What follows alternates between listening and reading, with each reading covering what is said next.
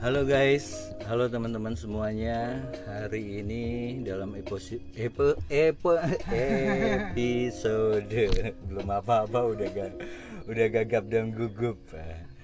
Episode kali ini uh, kita akan berbicara tentang mental illness atau penyakit uh, kejiwaan. Hmm, saat ini kita recordingnya sedang ada di atas perahu di tengah? Eh enggak di tengah. Di pinggir danau. Di pinggir danau di daerah mana ah nggak tahu. Di daerah Saguling. Oh ya oke. Okay. Saguling pinggirannya sebetulnya kita masuk wilayah kota baru ya. Oke. Okay. uh, eh, kita akan berbicara mental illness. Saya Dedang Tahyu and this is podcast 90s people about complicated urban life for middle-aged people. Oke, okay, pertama-tama saya ingin perkenalkan uh, guest spesial saya yang saya sering berbicara, curhat, tukar pikiran, atau sekedar ngobrol-ngobrol, ketawa sambil minum kopi kayak gitu. Dan kita kita enak chemistry-nya tuh uh, dari awal tuh selalu TikTok gitu uh, dan here she is Amanda Angela Sunoko Angela Sunoko oh, ya. Ya halo semuanya. Uh, apa ya? Apa dong? Ya kali ini saya datang untuk uh, ngobrolin soal mental illness. Kebetulan saya juga seorang penyintas. Uh, saya adalah uh, orang dengan skizofrenia dan tipenya itu skizofrenia afektif yaitu skizofrenia iya bipolar juga iya. Dan bipolar saya termasuk uh, bipolar jenis yang depresif lebih ke depresif daripada mania. Tipe 2 ya? Tipe 2 ya bipolar tipe 2 ya. Oke. Okay. now to be frankly I'm myself also a survival of mental illness. Jadi aku juga seorang uh, penyintas juga uh, aku menderita bipolar tipe 2 juga sama uh, lebih banyak depresinya kayak gitu oke okay, untuk pertama-tama uh, saya ingin tanya ke Amanda yang uh, mengalami kemudian tentu saja uh, membaca banyak literasi tentang mental, mental illness. illness. Oke. Okay. Apa sih mental illness itu? Mental illness menurut Wikipedia aja sih ya pokoknya dia itu uh, suatu penyakit yang real yang mempengaruhi kadang kadang-kadang kognitif, cara berpikir, ca uh, merasa, makanya ada mood disorder dan segala macam. Uh, sama apa ya?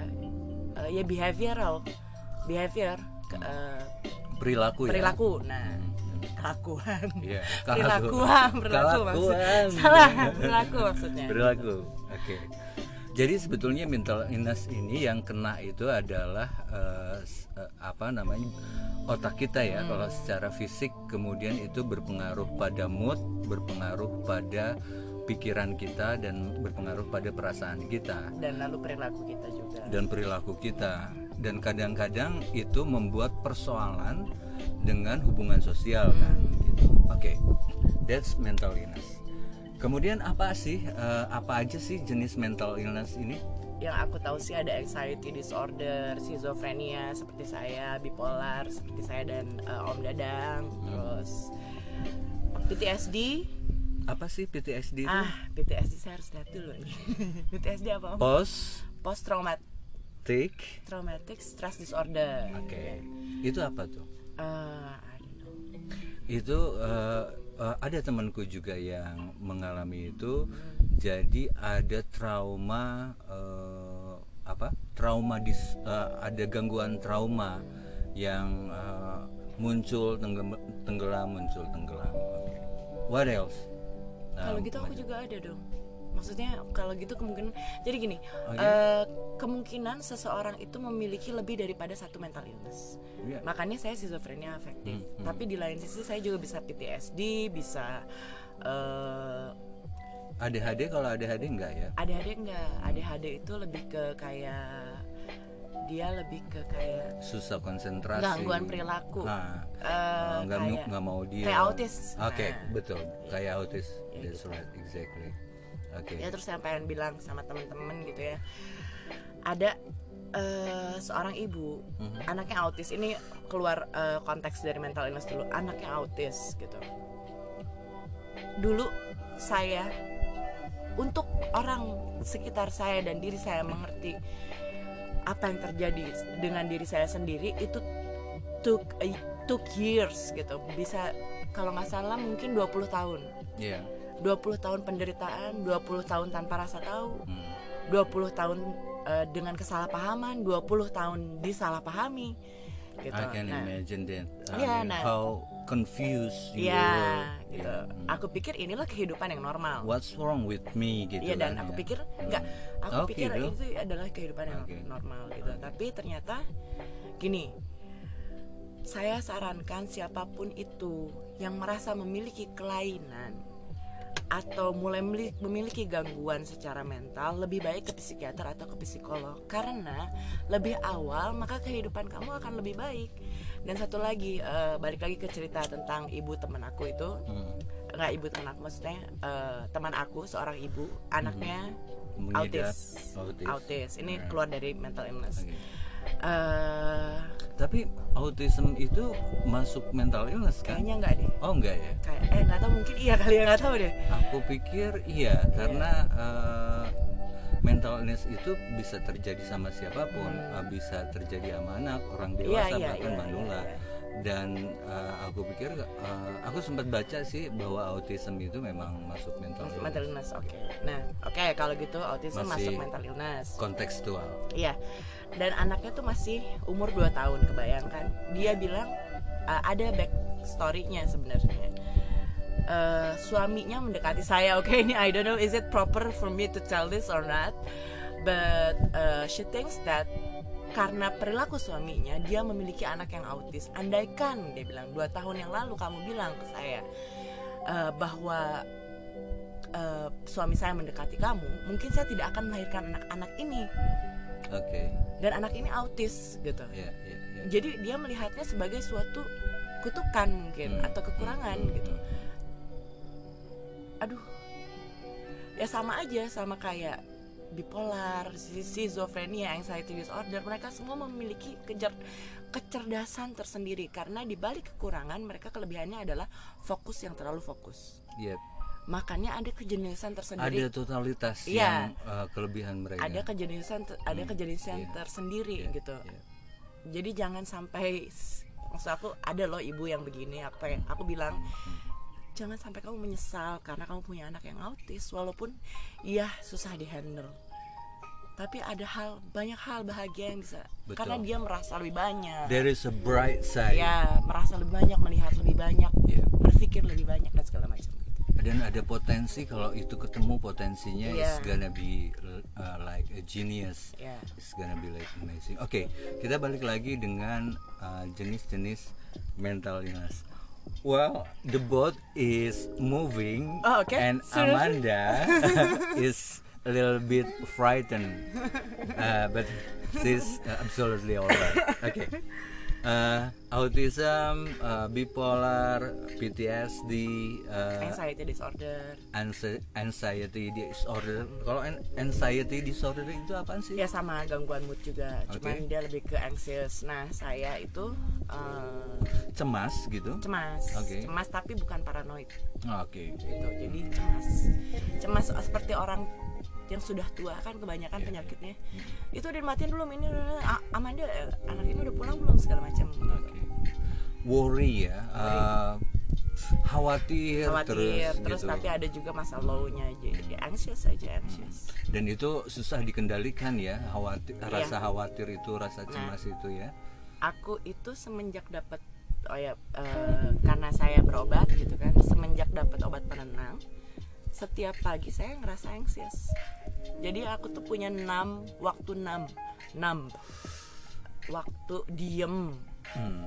dari pagi sampai jam 10 siang Enam itu um, what is it? Uh, ya kayak numbing yourself gitu numb apa ya numb tuh uh, beku ya? Iya, kayak Ah. diem aja, diem Ah, aja, ah, diem ah. ngelamun, Iya. entah sambil ngopi, sambil ngerokok, tapi nggak bisa.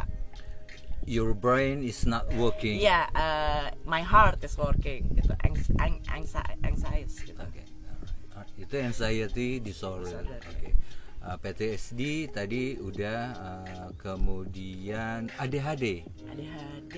ADHD itu uh, Attention attention deficit, hyperactive disorder. Hmm. Uh, aku kurang tahu juga soal Oke. ADHD. Kalau ADHD itu ada persoalan orang susah konsentrasi Hmm. gitu untuk mengerjakan sesuatu. Ya? pernah ada jemputan nih Oh ya. Ya. Oke, uh, people, I'm sorry guys, uh, we have the interruption karena perahu yang kita gunakan akan digunakan. Uh, kita lanjut sebentar. part dua. Ah, ke part 2. Oke guys, sorry for the interruption. Kita Uh, masuk ke part 2 aja. Oke, kita akan masuk part 2. Bye. Stay safe and stay positive. Bye. Oh, baru.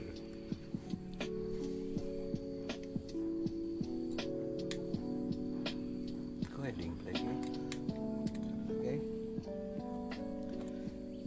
We are back, guys. Sorry for the distraction or interruption. Yeah, exactly. Uh, kita akan lanjut uh, tentang topik kita tentang mental, Mental illness. Ya. Uh, Ya, kita dari Amanda itu barusan begini ya. bicara sedikit tentang macam-macam mental Atau illness. dari- Apa oh, sih? Mental Iya, kalau illness itu ada bipolar, ada skizofrenia, aku nggak ada PTSD. Iya. uh, post rekamannya kacau. uh, PT uh, post trauma uh, at post trauma I know. PT PTSD, post trauma stress disorder. Oke. And then uh, ada ADHD, attention deficit hyperactive dis- disorder, ada anxiety disorder, ada major depression, ada autism. Sebetulnya banyak sekali yang nggak nggak sampai ribuan sih, tapi cukup banyak uh, jenis mental illness ini. Dan mental illness ini seorang penyintas atau pengidap itu belum tentu dia mengidap satu jenis saja, Iya. ya ada ya. Bisa jadi dia kombinasi antara beberapa disorder ya. Nah, nah, sebelumnya Amanda cerita tentang eh, kisah eh, seorang anak yang mengidap autism dan ibunya eh, berpikir bahwa itu adalah kesalahan seseorang ya kesalahan yang dilakukan suaminya makanya anaknya menjadi autis. Lalu eh, dia dia bilang kalau seakan-akan gitu ya maksudnya eh, andaikan saja kamu bilang dari dulu gitu anak ini nggak akan saya lahirin. Gitu kan 90s people Iya. gimana gitu mikirnya gitu a sad story. iya Ya. nggak maksudnya iya sih ya kasihan gitu aku sampai bilang gitu mbak pasti percaya gitu pasti ada satu kejenusan eh, dari anak mbak yang nanti akan tinggal di dalam sini Oke.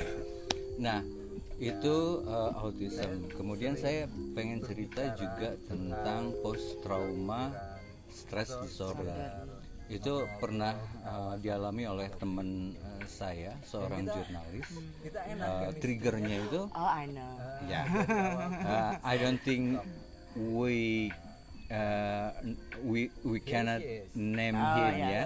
Uh, kalau aja dia objection, uh, jadi kita keep it secret uh, about uh, this uh, survival. Uh, jadi dia tuh triggernya uh, waktu kejadian tsunami pertama di Aceh tahun 2004, dia orang yang pertama ke sana. Uh, dia melihat banyak may- mayat ter- uh, bergelimpangan gitu ya dan uh, tidak ada yang menolong. Kondisi porak-poranda uh, ya buat dia sih ketika waktu itu itu adalah sebuah kiamat ya gitu itu pertama. Kemudian eh, dalam pekerjaan berikutnya dia mengcover satu cerita seorang pejabat yang bermasalah dan kemudian dia diteror gitu. Dia diikutin ke mana-mana diancam segala macam gitu. Nah dari beberapa kejadian itu eh, dia mengalami trauma stress disorder. Ya. Dan uh, kalau dia kambuh itu dia take medicine sih. dia sudah berobat ke psikiater punya obat. Kemudian kalau itu kambuh karena kejadiannya di Bandung banyak kan uh, dia di, banyak dicari-cari di teror di Bandung. Dia harus keluar Bandung dulu. gitu. Itu PTSD enggak kalau dia dia kambuh kambuhnya kayak gimana kalau PTSD Uh, anxiety cemas paranoid seolah-olah dia terancam gitu bukan memang bukan seolah-olah memang dia terancam gitu kan pada saat pada Sebelumnya saat gitu. sebelumnya gitu. iya iya iya Ya. oke oke oke Nah, uh, sekarang hmm, ada yang mau uh, di-share sama Amanda mengenai mental illness atau pengalaman Amanda apa? Kenapa sih uh, uh, Amanda sampai uh, mempunyai uh, suffering from this kind of uh, mental breakdown? ya eh, kan balik lagi tadi eh, saya ini di diindikasi bukan di, di- ya pokoknya dilabeli dengan eh, schizophrenia afektif yaitu schizophrenia iya bipolar juga iya nah tapi sekitar sekarang tahun 2020 mungkin 10 tahun yang lalu usia saya masih 19 kalau nggak salah eh, Masih lucu-lucunya masih ya. lucu-lucunya. Saya mengalami depresi. Eh, mengalami depresi habis itu eh, perubahan secara fisik. Eh, lalu dunia seperti gelap. Jadi dunia seperti gelap itu bukan cheesy. Itu beneran. Gitu. Bukan cheesy ya? nggak cheesy. Oke. dunia seperti gelap tuh nggak cheesy. Itu emang bener. Orang tuh ngelihat dunia tuh kayak gelap aja gitu. Nah akhirnya saya dibilang punya bipolar 2 Oke. It, took uh, 10 years gitu uh, untuk 10 tahun. untuk ya untuk akhirnya tahu saya schizophrenia Nah, butuh butuh suatu simptom yang sangat parah yang pernah saya alami untuk akhirnya dokter tahu gitu kalau kamu tuh schizophrenia afektif Oke. gitu Kebayang guys, 10 years gitu. Dan Amanda itu suffering from many symptom gitu Iya. ya. Uh, sampai akhirnya dokter bisa mendiagnosis itu skizofrenia dan memberikan obat yang lebih tepat ya saya Ya. pikir. ya aku uh, oh ya saran juga nih buat teman-teman yang kira-kira kok uh, uh, setelah mendengarkan ini uh, mungkin saya perlu cek atau konsultasi gitu ke psikolog atau ke, ke psikiater. Saya sih sudah sekitar 7 atau 8 dokter dan saya me- menyarankan daripada ke psikolog lebih baik ke, ke psikiater. Karena uh, they know better. They know better how to handle you how to handle the the, uh, the symptom etc gitu. Nah uh, dan apa ya ceritain semua apa yang cara berpikir kamu how do you feel how you see the world semua gitu Perilaku kamu. Iya, peril- perilaku dan segala Kalau macam. kamu suka marah-marah, Suka kalau marah-marah ya. nggak putus asa, Bahkan sampai iri sama orang tapi terlalu fokus gitu. Itu nggak bisa uh, mengalihkan ya perhatian ma- eh, iri banget, banget benci iya, benci banget, gitu. ya, benci banget. Dan itu it comes uh, uh, out of nowhere gitu. Tiba-tiba Nah, tiba-tiba gitu. nggak ada triggernya Iya, ya jadi kan kita sedih ya. Iya. Kita nggak mau, kita nggak kita bukan pembenci Iya. gitu.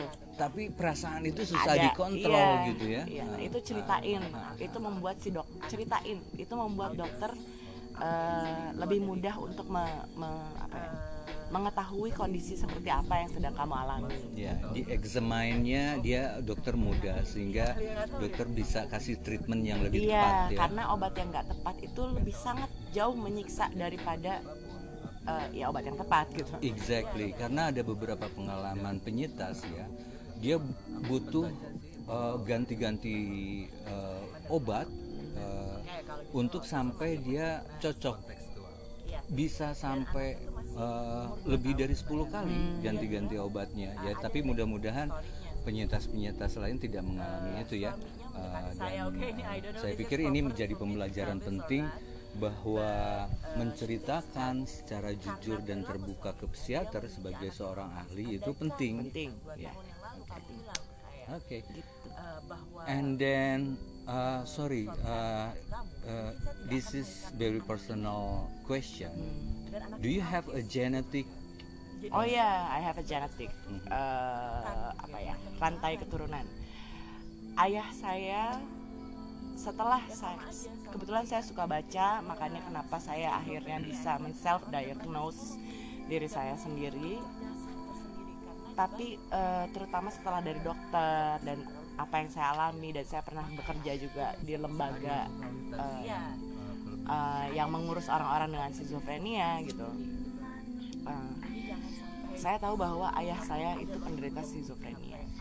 Oh, papa. ya tanpa dia ketahui tanpa keluarga ketahui jadi apa ya nangis gitu nangis karena Nggak pernah treatment dokter. nggak pernah kebayang nggak seberapa menderitanya dia gitu I met him once. Iya. Ya. selama ini Ya, ya.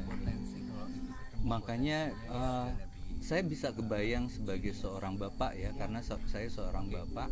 Kemudian uh, papahnya Amanda itu juga seorang bapak gitu uh, dan uh, dia kan harus berfungsi nih Iya. sebagai kepala rumah tangga, sebagai pencari nafkah, sebagai uh, bapak yang harus membesarkan dan anak-anak. terutama untuk mas dirinya sendiri juga gitu.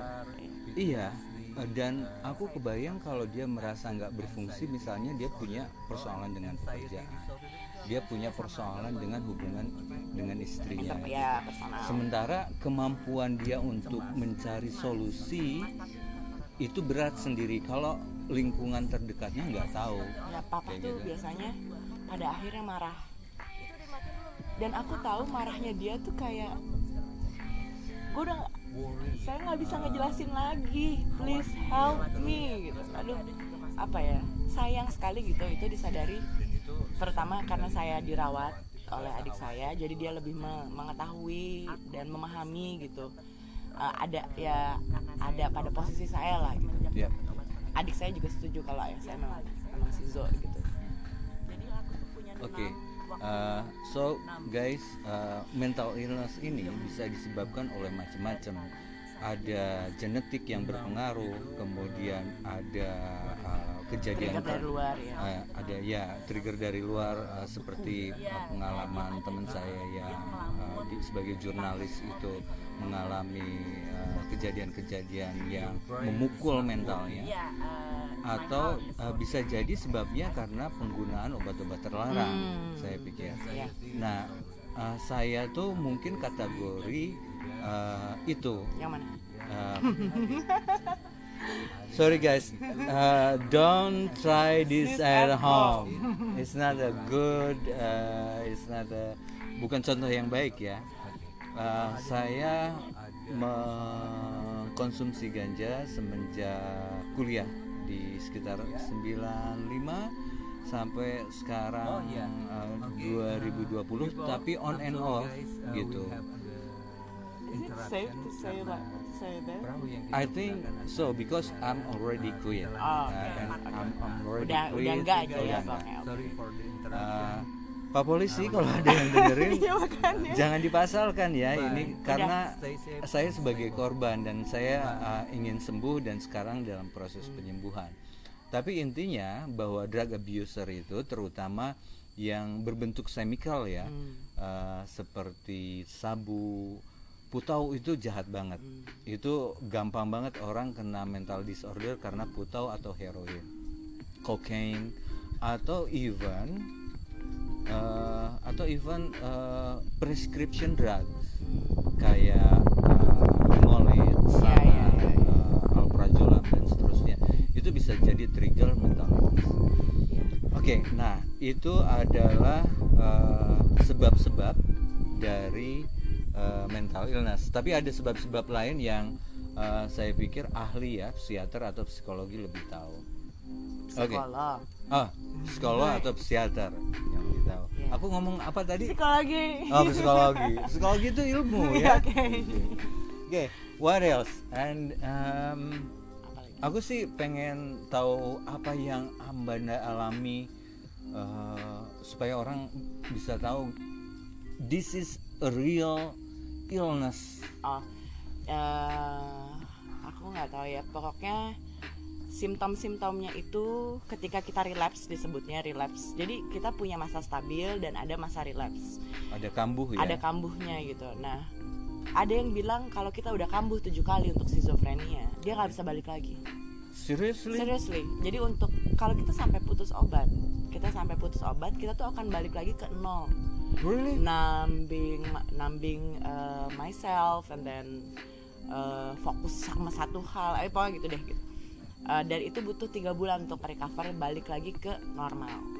Wow it's just like bronchitis ya. Hmm. kalau bronchitis itu kan eh, dia harus minum obat rutin selama sama tiga Hmm, bulan. bulan. dan kalau dia kelewat satu waktu itu dia harus balik ke nol. No iya. Gitu oke. Ya jadi obat sangat dulu saya tidak mau memak dulu saya adalah orang yang termasuk tidak mau memakai obat tapi semen- semenjak schizophrenia ini yang saya takut lebih takutkan adalah relapse. Oke. Gitu karena uh, simptomnya nggak bisa di luar imajina bayangan kita lah. Saya nggak tahu orang lain kayak gimana tapi salah satu yang membuat saya trauma adalah uh, di rumah saya tuh banyak kursi gitu banyak sofa uh, dan setiap malam saya tidur sendiri saya berpikir bahwa uh, rumah semua orang akan memperkosa saya gitu. siapa saja gitu Uh, dan setiap malam saya ketakutan terus saya berpikir kalau keluarga saya yang membackup membackup itu untuk diri saya gitu jadi Oke. uh, mereka yang diperkosa gitu Hmm. nah itu apa ya uh, kedengarannya biasa aja tapi real gitu aku sampai bilang dit Nike gimana? Dit Opa Om Arman. Jadi nanyain anggota-anggota semua keluarga, yang ya, ada di ya, ada rumah? yang kamu tutupin nggak gitu ah, ah, ya? Ad- ah, mereka baik-baik Baik aja nggak sih? Ada atau nggak? Lu menutupi sesuatu nggak Ah, sih oke. gitu gitu. Dan gitu. itu nggak nggak bisa dikontrol nggak ya bisa dikontrol nggak bisa dikontrol. Iya. dan aku tuh biasanya kalau udah gitu dipegang. Mhm. dipegang aja kayak benar-benar kayak di rumah sakit jiwa satu satu mama satu adit. Oh ya dipegang terus baru aku bisa tidur. Kalau ada apa lagi bangun. Ada apa? Hmm, ada yang mau datang atau apa? Kayak ya gitu deh. Oke. Ya So you can imagine, guys, that this illness is real. It's real in their brain, in, it's real in their attitude, ya, in their behavior. Ka- mereka mereka sakit gitu, Yeah. merasa sakit gitu. Oke. Ya. Oh, iya. Itunya jatuh, sorry. mudah-mudahan kedengeran Ya. Nah, kalau yang aku alami, Hmm. ya aku eh, penyintas bipolar tipe 2 lebih banyak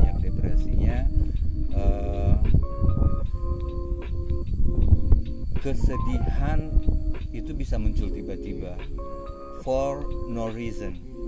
Gitu. Tiba-tiba merasa sepi tiba-tiba dada tuh kayak ada lubang di dada tuh. I, I know how I know that feeling. Gitu kan? I know that feeling. Kosong, Yeah. empty, and then you feeling hopeless, uh, putus asa gitu ya, tanpa alasan, tanpa ada masalah Hmm. gitu. Everything in my family is alright, my job is alright, my friend is alright, my parent is alright, but suddenly this this kind of feelings, empty, emptiness ya, Ya.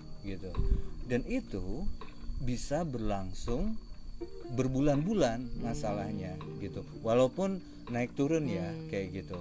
Tapi kalau tanpa obat itu susah, susah recovernya. Aku hampir nggak bisa. Eh, terus terang aku eh, menurutku sih aku tipe orang yang percaya Tuhan dan beribadah Iya. kepada Tuhan dan meminta pertolongan kepada Tuhan. It works a little bit ya sama but it doesn't uh, menghapus feeling itu semua kayak gitu. Yang membantu itu kalau istriku orang paling terdekatku mengerti kayak gitu. Jadi perlu ada caregiver memang. Kalau Amanda ada adiknya, Aditya dan Mama Ya. dulu ya. Kemudian kalau aku istriku kayak gitu. Hal-hal lainnya udah suicidal tendencies. ah sama Iya kan? Iya. Jadi ini real Ya. guys gitu. Ini real teman-teman bahwa orang yang mengidap mental illness itu ingin mengakhiri hidup. Iya. gitu karena dia merasa nggak berarti bahkan dokter bilang gitu eh, jangan macam jangan menganggap sepele orang yang bilang gue pengen mati That's- itu udah warning yang paling warning Betul. gitu walaupun dia tidak melakukan eh, bunuh diri atau misalnya apa tapi itu Hmm. ya menyakiti diri sendiri tapi itu udah warning gitu Iya. Dan menurutku yang paling bahaya adalah yang tidak mengungkapkan. Hmm. Dia pendam sendiri dan dia ber- berencana sendiri. sama aku pernah Iya. Dan aku tipe yang tidak mengungkapkan itu. Hmm. Aku sempat nyari potasium cyan- cyanida Hmm.